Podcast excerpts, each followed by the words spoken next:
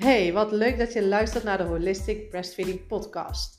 Ik ben Carla en als holistisch borstvoedingscoach is het mijn missie om vrouwen te helpen naar meer rust en vertrouwen in borstvoeding. Wanneer jij je namelijk vol zelfvertrouwen en krachtig voelt, kan jij keuzes maken vanuit jouw diepe innerlijk weten, vanuit de verbinding met jezelf en je kindje. Jij weet namelijk precies wat jij wanneer en op welke manier moet doen. Ik hoop dat deze podcast jou gaat helpen om dicht bij jezelf te blijven, om jouw eigen pad te mogen volgen vanuit de verbinding met je kindje en een sterke borstvoedingsrelatie op te bouwen. Veel luisterplezier! Hey, wat leuk dat je weer luistert naar een nieuwe aflevering.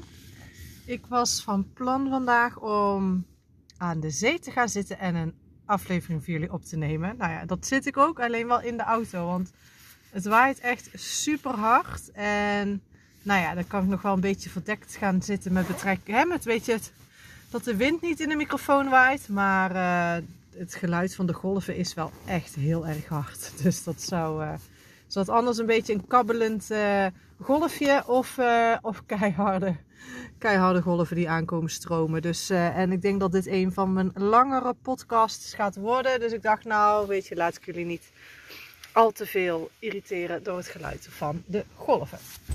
Nou goed, ik sta nou lekker uh, met mijn auto met één wiel op het strand, lekker de zon in mijn gezicht. Dus uh, nou ja, de sfeer van mij is hetzelfde. Um, vandaag wil ik met jullie ons homeschooling verhaal delen. En net als dat mijn bevallingsverhaal van Dana Os lang ging duren, een lange podcast was, denk ik dat dit er ook zo één wordt. Wat dat betreft is Dana Os uh, ja, mijn grootste, mijn grootste leermeester bijna. Om echt iedere keer mijn eigen gevoel te volgen en ook op het juiste moment dat te doen. Um, en hij is natuurlijk de eerste wat natuurlijk een uh, mooi pad aanlegt voor de rest van het verloop natuurlijk van uh, mijn moederschap. Maar goed, ja, want wij hebben nu uh, ruim een maand geleden zijn we begonnen met uh, thuisonderwijs. Dat uh, heeft nogal een vrij lange aanloop gehad. En ik wilde de podcast niet eerder opnemen, omdat ik echt eventjes wilde voelen van... hey, hoe gaat dat met het thuisonderwijs? Want in het begin ben je heel enthousiast, maar wat als er een beetje de sleuring komt en noem maar op. En dan zijn we eigenlijk nog steeds pas een maand bezig. Maar alles is ondertussen al voorbij gekomen, waardoor ik nu echt kan, ja, goed ook wel een beetje kan vertellen hoe het allemaal is gegaan. Nou, we wonen dus, zoals je vast wel weet, in Griekenland. En in Griekenland is er geen wet met betrekking tot thuisonderwijs. Eigenlijk hetzelfde als Nederland. Er is gewoon een leerplicht en je moet naar school. Al voordat ik kinderen kreeg, zag ik hoe het hier ging. De scholen zijn van kwart over acht tot kwart over één. Uh, best veel pauzes tussendoor. En de basis wordt op school uitgelegd en de rest moeten ze qua, qua herhaling thuis doen. Uh, daarbij is er helemaal geen context voor de ouders of wat dan ook. En is het eigenlijk de bedoeling dat de kinderen het gewoon allemaal op school leren. En het thuis voor zichzelf herhalen en de volgende dag weer naar school komen. En dan wordt er weer doorgegaan. Nou ja, eigenlijk dus ook met het volgende onderwerp. Maar vooral dat kinderen dus al vanaf groep 3, dus vanaf dat ze zes jaar zijn, huiswerk meekrijgen. En in ons geval was dat echt iedere dag wel twee uur. Want het ene kind gaat wat sneller dan het andere kind. In eh, Nederland heb je nog hè, vroege leerlingen, late leerlingen heb je hier ook. Hè. Um, maar in Nederland wordt vooral gekeken van hey, waar zit je qua niveau en um, kan je eventueel uh, een jaartje langer kleuteren, waardoor het daarna gewoon allemaal wat makkelijker voor je gaat. Nou is Danas geboren in november en hier tellen ze dus jaren, dus de schooljaren zeg maar van januari tot december. Dus ben jij in uh, eh, 2013 geboren, zoals Danos. Alle kinderen van 2013 zitten in dezelfde klas.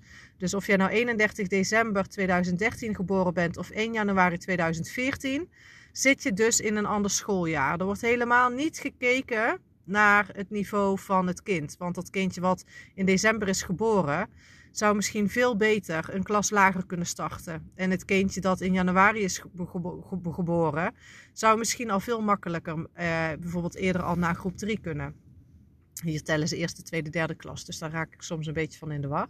Maar hij zat hier dus in groep 5. En dat is ja, de, Grieks, de derde klas. Dus dat is groep 5 in Nederland. Maar ik weet hoe Daan alles is. En eigenlijk had hij best in groep 4 kunnen zitten. Maar goed, hè, hij moest mee. Uh, toen is het natuurlijk uh, groep 3 is die begonnen. Ging eigenlijk wel oké hoor. Daar had ik, hadden we nog helemaal niet zo'n problemen. Maar toen kwam de lockdown vrij snel. Zijn er natuurlijk echt een paar weken helemaal. Zijn de scholen dicht gegaan. In Griekenland gingen ze als eerste dicht. Griekenland is qua maatregelen altijd een van de eerste in Europa geweest. Uh, en de rest volgde. En we zijn ook een van de laatste die alles loslaten. Want we zitten hier nog steeds volop met maskers op straat. En uh, nou ja, iedereen doet het wel steeds minder hoor. En, uh, en in de winkels en je, nou ja, QR-codes. Je komt eigenlijk alleen de supermarkt in. En voor de rest moet je getest of gevaccineerd zijn. En ook op het terras mag je alleen met een test zitten. Binnen alleen gevaccineerd. Dus ja, daar zijn ze hier allemaal nog heel, ehm, ja, heel streng in. Ehm, dus de scholen gingen dicht. Kinderen kwamen thuis te zitten. En toen is er à la minuut heel snel een online eh, eh, platform opgezet voor, uh, voor online lessen. Nou ja, dat stelde natuurlijk niks voor. Want ja, groep 3, je, je, begint net met lezen en schrijven en rekenen. En continu afgeleid thuis om een rustige plek. We woonden toen in een heel klein huis. Ja, waar hij gewoon in de woonkamer zat. Waar Elina ook ja, als baby een beetje rondkroop. En ja, het was gewoon best wel lastig natuurlijk voor die kinderen. Om ook die discipline op te brengen. Dus daar heeft hij al een hele grote basis gemist. Alle kinderen eigenlijk. Maar goed, Danos als gevoelige jongen. Uh, en blijkt dus nu ook dat hij, uh, nou ja, gewoon wat meer persoonlijke aandacht nodig heeft. Uh, toen gingen de scholen weer open. Toen gingen de scholen geloof ik weer dicht. Ik weet het allemaal niet meer. En toen werd na de zomervakantie, dus tussen groep 3 en 4, werd besloten dat de kinderen met een mondkapje naar school moesten. Nou, daar, dat ging helemaal tegen ons gevoel in. Dus toen hebben we hem thuis gehouden. Toen zeiden we doen het thuis wel. We hebben hem zes weken thuis gehouden, begin groep 4. Uh, en alles wat ze op school deden thuis gedaan. En ja, dat escaleerde. Ik, ik voelde zoveel spanning. Ik had zoiets, ik ben geen juf, ik ben moeder. Uh, ik weet dat het beter is voor hem om uh, thuis te zijn, omdat ik gewoon echt niet geloofde in, in, in, in de werking van de maskers. En de schade voor de longen, de zuurstof, noem maar op. En ehm, ja, en het sociale aspect. Weet je, je komt de klas binnen. Je moet sowieso zes keer desinfecteren. Hij kwam thuis van, oh ja, hoe lang moet ik 20 seconden mijn handen wassen, toch? Weet je, zulke dingen. Maar ook, ja, je ziet geen uitdrukking van je kinderen in de klas, uh, klasgenoten. Ik had zoiets van, nee. Dus toen hielden we hem thuis. Maar ja, ik, ik, de druk was zo hoog. Ze gingen zo snel. Ik, nee, en toen zei ik van, nou, wat wil ik uiteindelijk? Wil ik dat mijn kind terugkijkt als hij ouder is op een fijne thuissituatie waarin het gezellig was? Um, en dat hij dan toch maar met een masker naar school gaat. Of ja, wat gaat er meer? Of, of um, nou ja, hem, hem kosten wat kost eigenlijk thuishouden. Terwijl er zoveel spanning is. En ik weet en ik ken Dan alles. En hij reageert heel erg op mijn spanningen. En op mijn emoties en mijn gevoelens voordat ik ze zelf überhaupt voel. Dus ja, dat, uh, dat werkte niet. En hebben we hem teruggestuurd naar school. Of teruggestuurd, teruggebracht naar school. en toen. Uh, is er volgens mij daarna weer een lockdown gekomen. Ik weet, of lockdown weer, uit scholen dicht. Ik weet het niet meer precies. Maar goed, dit jaar dus groep 5 begonnen. En toen kwam eigenlijk het verhaal naar boven. Of merkte ik dat, er, dat hij. op een gegeven moment kon hij wat zelfstandiger werken. Zei de juf ook. Ze kunnen we allemaal wat zelfstandiger, wat meer zelf doen.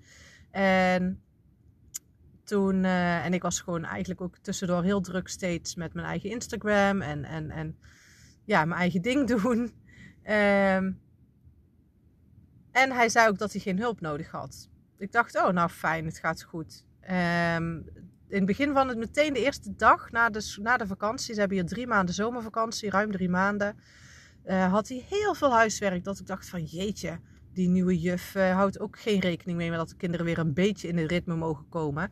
En daarna werd het minder, na een dag of vijf. Ik dacht, oh nou, ze heeft het door. Ze heeft gewoon even getest wat de kinderen aankunnen. En daar gaat ze het, is het huiswerk gaan balanceren, zeg maar, bij. Meer, hoe noem je dat? Um, ja, meer rustiger aangeboden. En toen, um, toen op een gegeven moment belde de juf voor iets weet niet eens meer wat. En toen zei ik tegen haar, of ik stuurde er een e-mail. Ik zeg trouwens, wat... Uh, uh, ja, je gaf in het begin zoveel huiswerk en nu veel minder. En toen zei ze, nee, ik geef niet minder huiswerk. Hij doet het gewoon niet. Toen dacht ik, oké. En hij kwam ook heel vaak thuis. Oh, ik heb vandaag alleen maar dit of dit. Oh, ik hoef maar één, uh, één A4'tje te maken. Of ik dacht, oké. En dan ook nog steeds ging ik soms ook wel met hem zitten. Dan deden we het samen. Op een gegeven moment zei hij, nee, ik ga het liever gewoon rustig in de slaapkamer in mijn eentje doen. Dan kan ik me beter concentreren. Hij, werd, hij was heel slim.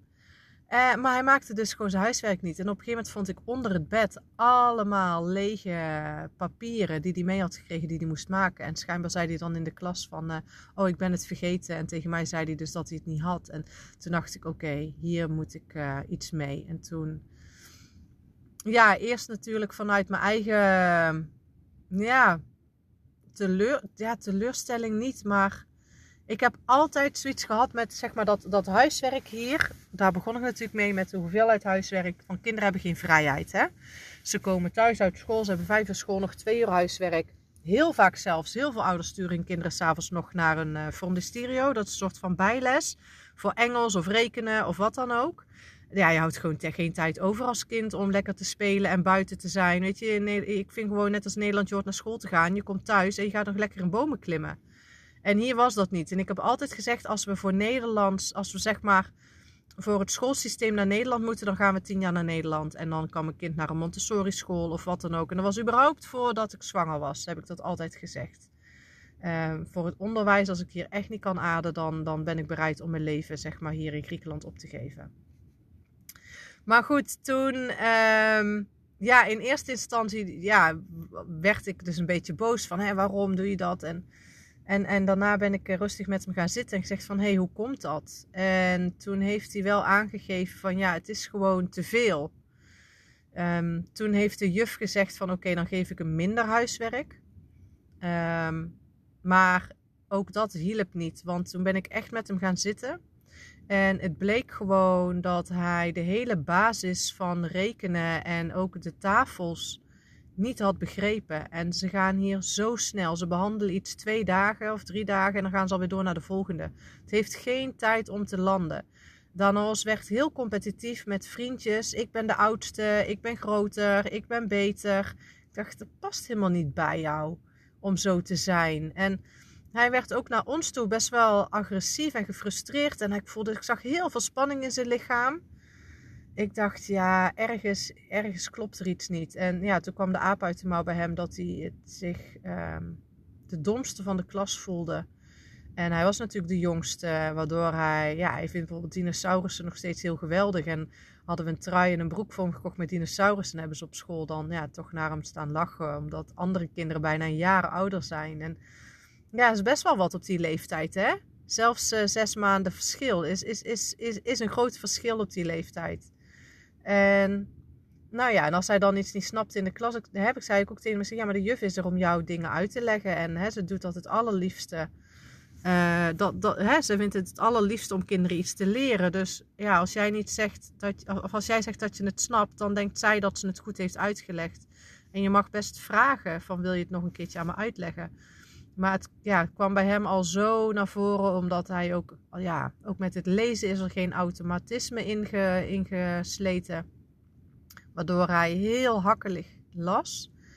En ja, hij daar best wel uh, ja, zich dom en, en, en stom voelde. En ja, dat wil je natuurlijk niet dat je kind meemaakt. En dan kan je zeggen van ja, je moet, hè, moet je dan meteen je kind ergens vandaan halen. Ze mogen ook ergens mee leren omgaan. Ik denk ja, dat kan, maar hoe wil je je kinderen opvoeden? Wat wil je ze meegeven op deze belangrijke leeftijd waarin een onbewuste wordt gevormd? Wil je ze meegeven dat, dat, dat je overal maar keihard voor moet werken om mee te komen? Of mag je kijken van hé, hey, wat is een systeem wat wel voor jou werkt? En hoe kunnen we zorgen dat jij je vol vertrouwen in ieder geval voelt en dat je je zelfvertrouwen terugkrijgt en je je rustiger en relaxter in je vel voelt? En dan was er misschien een mogelijkheid geweest om een soort van extra docent bij, naast hem te zetten in de klas. Maar al met al, plus de maskers, plus uh, überhaupt de vrijheid die, ze, die kinderen hier bijna niet hebben in het schooljaar. En dan hebben ze wel drie maanden vakantie in de zomer. Maar dan nog, weet je, ze hadden vanaf de kerst tot aan uh, nu eigenlijk geen vakantie gehad. Volgende week is het. Uh, ja, toch? ja, ze hebben geen vakantie gehad. Het is uh, kerstmis geweest. Nu is het volgende week carnaval. Hebben ze op maandag vrij. En dan moeten ze geloof ik op dinsdag weer naar school. Ze hebben, er zit heel lang tussen. Ja, want wij hebben in december hebben we dan al na de kerst, vanaf kerst hebben we hem niet meer naar school gebracht. Dus uh, ze hebben vanaf september, half september tot eind december les gehad. En toen van begin januari tot nu, dus januari, februari, maart, uh, ja, ook een week of tien zonder vakantie. En dan daarna gaan ze weer door tot, hebben ze alleen paas een extra dag vrij, geloof ik. En dan gaan ze door tot aan de zomer. Dus het zijn hele lange halen voor die kinderen. Uh, dus goed, toen uh, ben ik met hem gaan zitten. En toen heb ik gezegd van oké, nou dan gaan we vanaf nu echt met jou het huiswerk maken. Ben ik naast hem bij hem gaan zitten. Heb ik hem heel erg op mijn gemak steeds dingen uitgelegd. En ik merkte gewoon dat hij heel erg blokkeerde. Heel veel spanning in zich had als hij moest lezen. Heel erg moeite had met rekenen. En ze gingen zo snel dat ik dacht, ja, hij heeft echt die basis gemist. Hij zou eigenlijk gewoon nog een jaar groep 4 moeten doen. Uh, blijven zitten gaat hier sowieso niet heel makkelijk. Dat doen ze sowieso alleen als je echt uh, heel veel dagen gemist hebt. En voor de rest moeten de kinderen maar gewoon meedenderen. En maar gewoon mee met, met die sneltrein. En ja, het voelde zo niet goed. Uh, een vriendin van ons was ondertussen al bezig geweest om haar kinderen uit het schoolsysteem te halen vanwege de maatregelen met het maskerbeleid en noem maar op, vanwege corona. Um, zij waren een van de eerste ouders in Griekenland en ondertussen is er een community opgericht van andere ouders, die, uh, nou ja, zo'n 25 gezinnen in, in, Nederland. Dus wij kwamen in contact met die, met die oprichters en uh, ze hadden heel veel contacten gehad. In ieder geval, zij hadden dus, ik zal lang verhaal, ik zal proberen kort te maken. Maar zij hadden dus de mogelijkheid en de papieren, of in ieder geval wisten wij welke papieren we nodig hadden, welke procedure we mochten konden volgen, zodat we hem uit konden schrijven van de Griekse school. Want er bestaat namelijk een Europese wet voor alle Europese landen, of Europese Unielanden, waarin gezegd is dat een kind verplicht is om onderwijs te volgen, maar dat dat niet hoeft op de school van, bij de school van het land. Als dat maar is bij een andere onderwijsinstelling die door het land waar dat, dat onderwijs wordt aangeboden geaccrediteerd is. Dus dat kan Amerikaans zijn, Nederlands, Duits, uh, bewijs van wat dan ook. Nou, in Nederland hebben we gelukkig een hele mooie organisatie. Dat is de Wereldschool. Die expats uh, zorgt voor scholen, voor onderwijs voor kinderen van expats. Voor mensen die in het buitenland naar het buitenland emigreren en het Nederlands bij willen houden. Mensen die op wereldreis gaan. Dus wij hebben ons aangemeld. Eerst hebben we gekeken voor een Amerikaanse onderschool. Maar we hebben ons uiteindelijk aangemeld voor de wereldschool. Omdat hier op het eiland ook een Nederlandse school zit voor de taal en cultuur. Dan gaan ze één keer per week drie uur naartoe, krijgen ze taalles. En dan hebben ze daarna thuis nog huiswerk. Daar waren we aan begonnen in groep 3. Maar in combinatie dus dat dat dus met het Griekse huiswerk echt heel veel werd. En dan als daar ook al blokkeerde, hebben we besloten om hem te stoppen van het Nederlands. En alleen te focussen op het Griekse, wat toen ook de beste keuze voelde. Maar dat betekende dat zijn Nederlands nu niet goed genoeg was eigenlijk om te lezen en te schrijven. Dus we zijn uh, nu privé met een juf aan de slag. En hij zit nu al, uh, hij gaat heel snel. weer die één op één begeleiding, lezen, schrijven Nederlands. En wat betreft de wereldschool lees ik voor hem de rekenopgave. En doen we het een beetje samen wat betreft geschiedenis en natuur en techniek. Dat zijn de vakken die we thuis hebben. Maar uh, dus toen hebben we ons ingeschreven. Uitschrijven op die Griekse school ging eigenlijk ook heel makkelijk. Uh, want we hadden alle papieren op orde. En na de kerst is hij niet meer teruggegaan naar de Griekse school. En we hebben er allemaal geen seconde spijt van gehad. Heel veel mensen vragen hoe doe je dat dan met de vriendjes en de sociale contacten. Nou ja, weet je, op school had hij ook niet heel veel vriendjes. En uh, hij uh, sprak altijd überhaupt ook met neefjes af. Hij gaat drie keer per week naar karate. Daar brengen we hem wat eerder heen en halen we hem iets later op, zodat hij daar nog wat meer tijd heeft om met die kinderen te zijn. Hij gaat naar uh, dus een soort van muziekles waar hij met andere kinderen is. En ja, sowieso, we sluiten hem niet op thuis. Hè? dat zeg ik ook. Het is niet van uh, dat mijn kind nergens heen gaat. Hij is hartstikke sociaal. Hij is ook nooit naar een crash of een kinderdagverblijf gegaan. Hij is ook kleuterschool nooit fulltime geweest. Altijd maar drie keer in de week max. We hebben hem heel veel. Een kind leert uiteindelijk van het leven en van zijn ouders. En ook sociaal en sociale contacten leert een kind van zijn ouders af te kijken. Dus als jij alleen al hoe jij omgaat met vrienden, hoe jij uh, omgaat met, met ouderen, Dat is waar een kind van leert. En niet per se door met andere kindjes te zijn. Of ja, een kind moet bijvoorbeeld toch leren delen. Een kind gaat leert delen doordat jij als ouder dingen met jouw kind deelt. Maar delen als in, ik ben nu met mijn auto aan het spelen. En mijn, mijn, vriendje Jantje wil ook met die auto spelen. Dus moet ik maar mijn spel onderbreken. Omdat Jantje het meer verdient nu om met die auto te spelen. Ja, dat zijn dingen waar ben ik het nooit mee eens geweest. Maak eerst je eigen spel af. Je weet dat een ander kindje er ook mee wil spelen. Zodra jij klaar bent, geef het dan aan dat andere kindje. Maar wacht op elkaar en ga geen dingen afpakken. En ga, je hoeft geen dingen af te geven als jij er nog niet mee klaar bent. En dat is iets wat heel erg in de cultuur is ingebakken van hè, een ander is belangrijker dan jij. Ga jij maar. Uh, hè, oh, jouw favoriete pop? Nee, hup, geef die maar aan het jongetje wat is, of dat meisje wat is komen spelen. Want uh, die is er nooit en jij kan er iedere dag mee spelen. Nee, weet je, je mag, je mag, sommige dingen mogen van jou zijn waar je op dat moment mee bezig bent. En als jij er klaar voor bent, dan mag je het aan de ander geven. Om daarmee, uh, zodat die daarmee kan spelen. Maar niet jouw eigen spel onderbreken en een ander daarin dus belangrijker vinden en voorstellen op jezelf. En ik denk dat dat de basis is van heel veel nou ja, problemen en, en issues die we natuurlijk hebben op het moment dat je ouder wordt. En ouder bent. Dat doen wij nu ook. Ten koste van onszelf doen wij heel veel voor anderen. Om een ander maar tevreden te maken en blij te maken. Ja, dat gaat natuurlijk nergens over.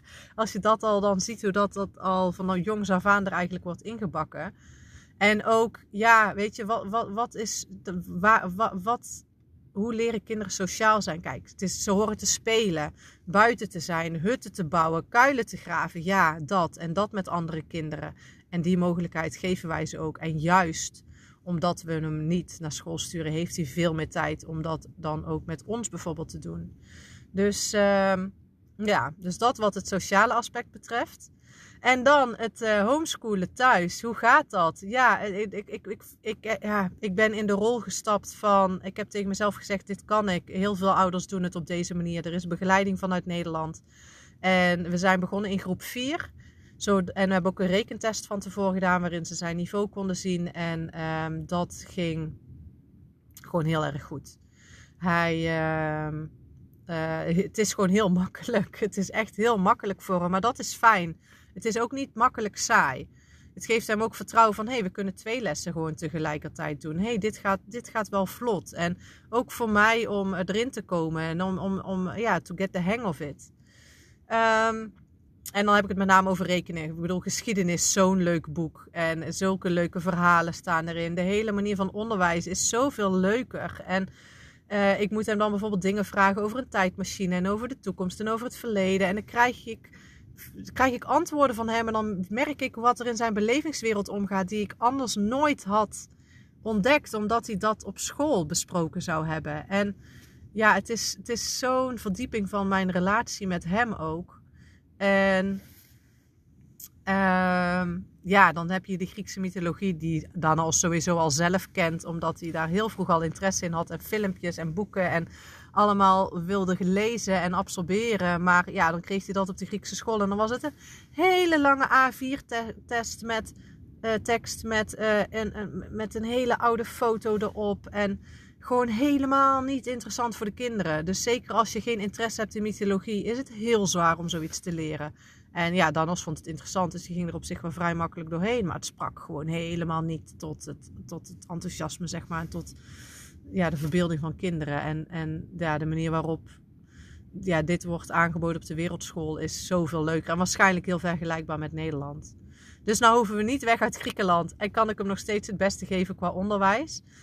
Uh, op een gegeven moment kwam er een beetje een sleur in. Dacht ik, nou, moeten we nou het alweer hebben over sprongen op de getallenlijn? Ik denk, nou, zo snel dat ze in Griekenland gaan, zoveel hameren ze op het integreren in Nederland dat, dat ik zoiets heb van oké, we kunnen dus gewoon ook wel wat sneller gaan.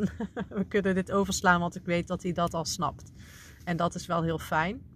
Um, en vandaag hadden we dus een behoorlijke test. Want op de een of andere manier, en hij is ook een beetje verkouden geweest, een beetje moe. Uh, we hebben een hele onrustige week zelf gehad met, uh, nou ja, met slecht nieuws van een vriend. Uh, we hebben zelf heel veel zaken geregeld, papierwerk gedaan. Eh, om hem te helpen, maar ook voor onszelf. Omdat wij nu in de zomer een, een winkeltje gaan openen.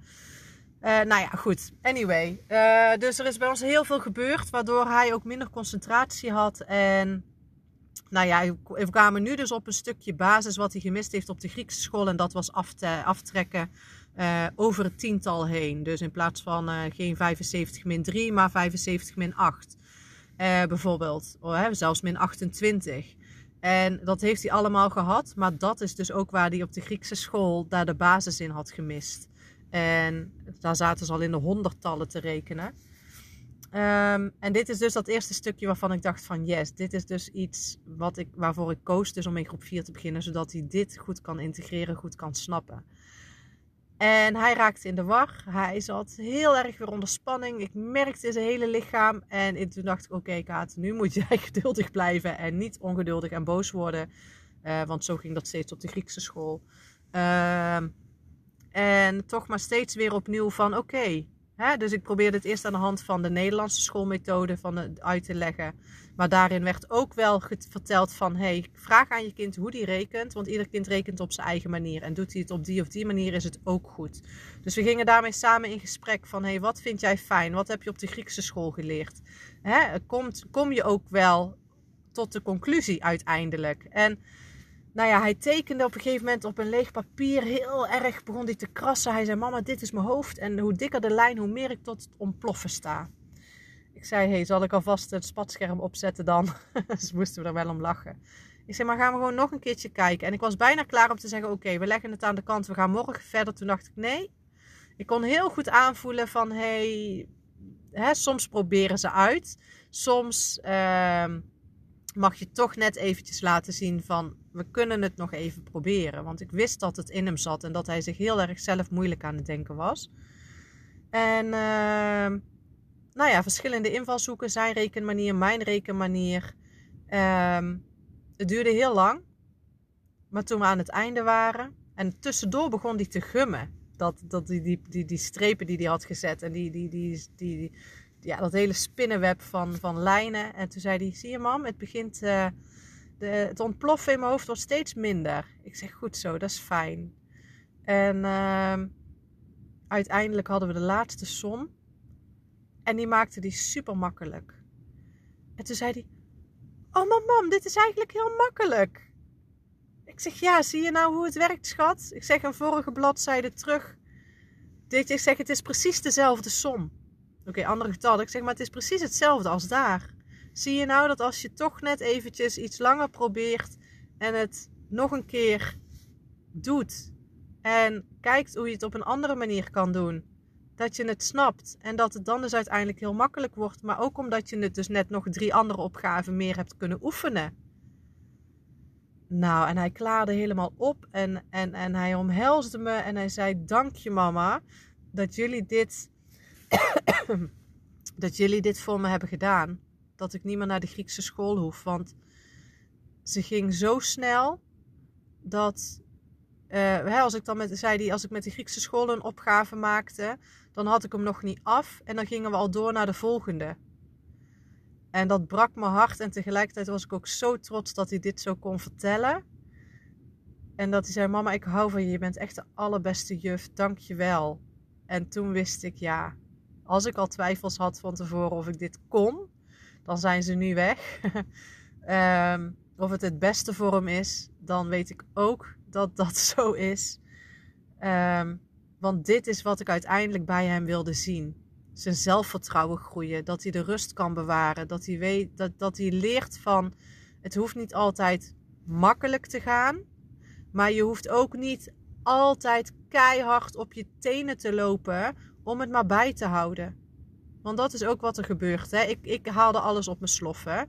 Mijn zus moest altijd ergens overal heel veel moeite voor doen. En nog steeds speelt dat door, ook in, nu zij ouder is. En het stukje van hard werken om iets te bereiken, daar geloof ik niet in. Je mag het op jouw manier doen. Je mag een eigen manier vinden waarin. Hè, je moet ook niet opgeven als het even tegen zit. Maar je mag wel kiezen is dit mijn manier? Is dit wat bij me past? Of mag ik gewoon iets heel anders gaan doen? En dat heb ik ook heel erg ervaren met het bouwen van mijn eigen bedrijf en het opzetten van holistic breastfeeding. Ik ben heel veel kanten op gegaan en steeds maar voelen van moet ik hier doorheen? moet ik gewoon maar doorpushen, iets wat eigenlijk niet goed voelt, of is er toch een ander pad voor mij weggelegd? En door dat iedere keer maar te volgen, zit ik nu wel gewoon waar ik nu ben. En dat is wat ik mijn kinderen mee wil geven. En dat is gewoon precies wat er nu gebeurt. En zo wil ik dat hij opgroeit op deze manier. Niet opgeven, maar past dit bij mij? Voelt dit goed voor mij? Is er een andere manier om er ook te komen? En ik weet dat als ik dit vertel tegen mensen, de keuze die we maken, dat afhankelijk zeg maar van welk ja, bewustzijnsniveau zij zitten, dat ze dan zeggen van ja, maar ja, hè, je moet. Uh, nou, nou heb je hem geleerd dat uh, als het zwaar is of niet lukt, dat, hij dan, uh, dat je er dan maar mee stopt. Ik zeg ja, maar we zijn er niet mee gestopt. Het is toch niet dat hij helemaal niet naar school gaat of geen onderwijs krijgt? Alleen op een manier die wel bij hem past. En dit voel ik zo enorm. En ik, ik voel ook wel dat Elina een kindje is die misschien wel mee zou kunnen. Hè, want die is in juni geboren, die misschien, die misschien wel heel erg naar de zin heeft om naar de kleuterschool te gaan en noem maar op. Alleen voor haar ja, gaan wij gewoon ook kiezen om, uh, om het op deze manier te doen. Want vooral wij als gezin vinden het heel belangrijk, ik en Alex, dat wij um, zelf in de hand houden op welke manier uh, nou ja, onze kinderen onderwijs krijgen. Wat ze van de wereld meekrijgen. En niet met de hele massa en alles, maar met de massa tegelijk op een bepaalde manier moeten kunnen en moeten leren. En ja, wij willen gewoon heel graag in de winter, uh, die koude maanden hier in Corfu, koud, rond de 10 graden, willen we gewoon heel graag reizen. We zien, ik zie, we zien het echt voor ons. Van nou, dan doen we een beetje, een beetje onderwijs, een beetje les. Kunnen we zwemmen in een hele mooie blauwe zee met witte stranden. Andere culturen zien. Dat het allemaal samen kan. Dat, je, dat we dat mee kunnen geven aan onze kinderen. Dat er meer is dan alleen maar vijf dagen in de week keihard naar school gaan. Twee dagen weekend.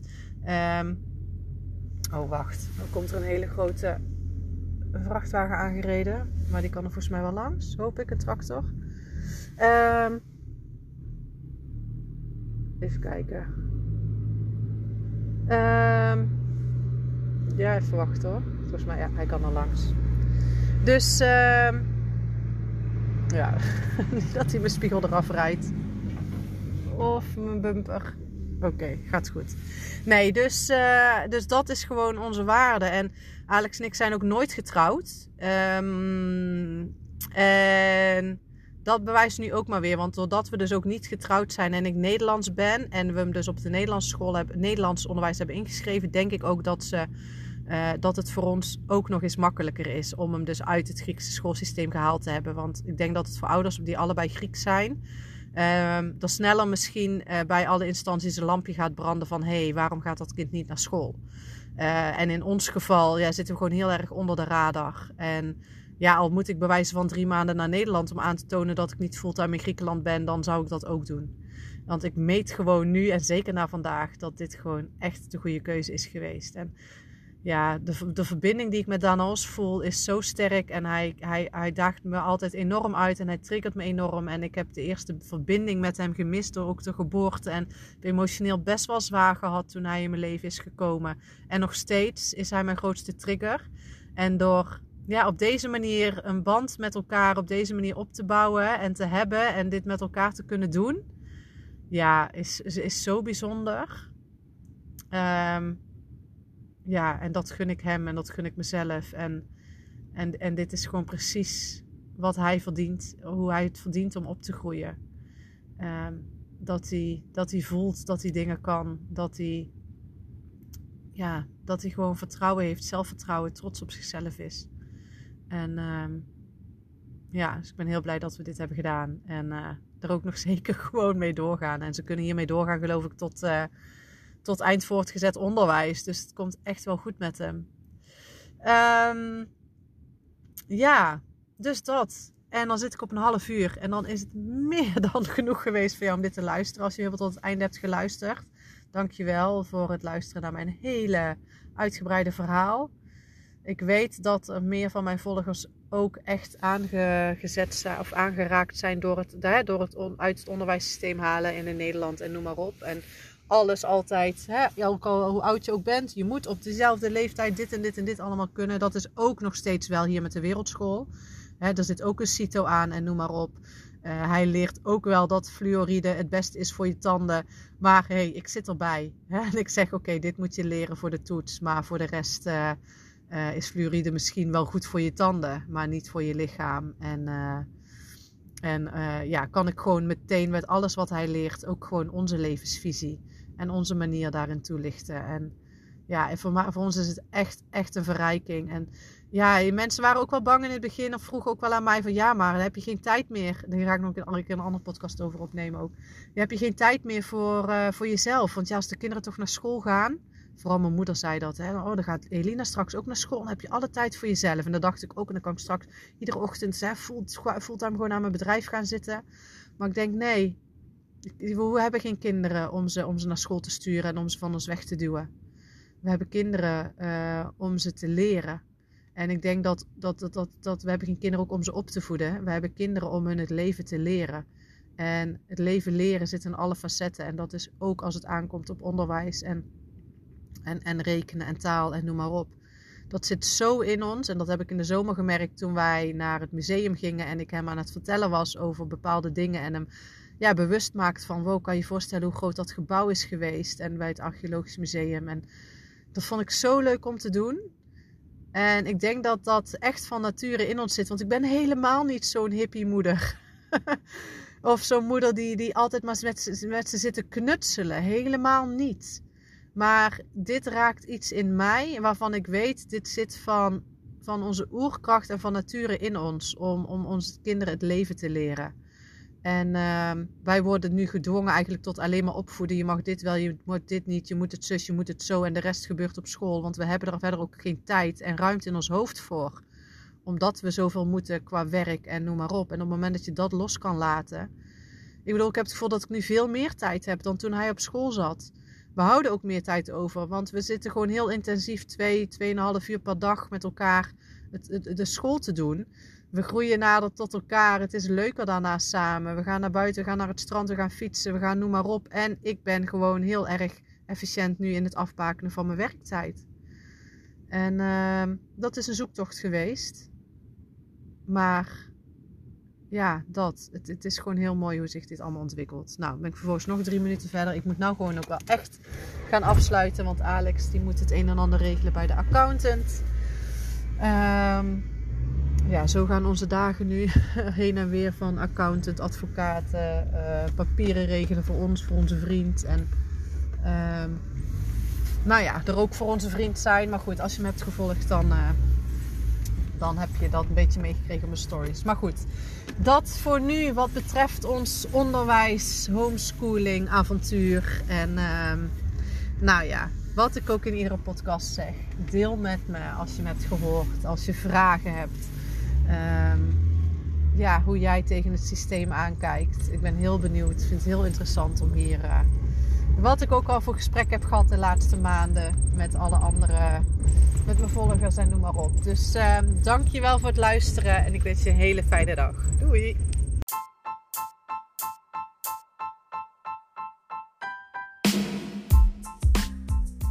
Nou, wat leuk dat je hebt geluisterd naar deze aflevering. Ik hoop dat het je heeft geïnspireerd om weer lekker dicht bij jezelf te blijven, om je eigen pad te mogen volgen. Misschien heeft het je een stapje dichter bij je eigen gevoel weer gebracht.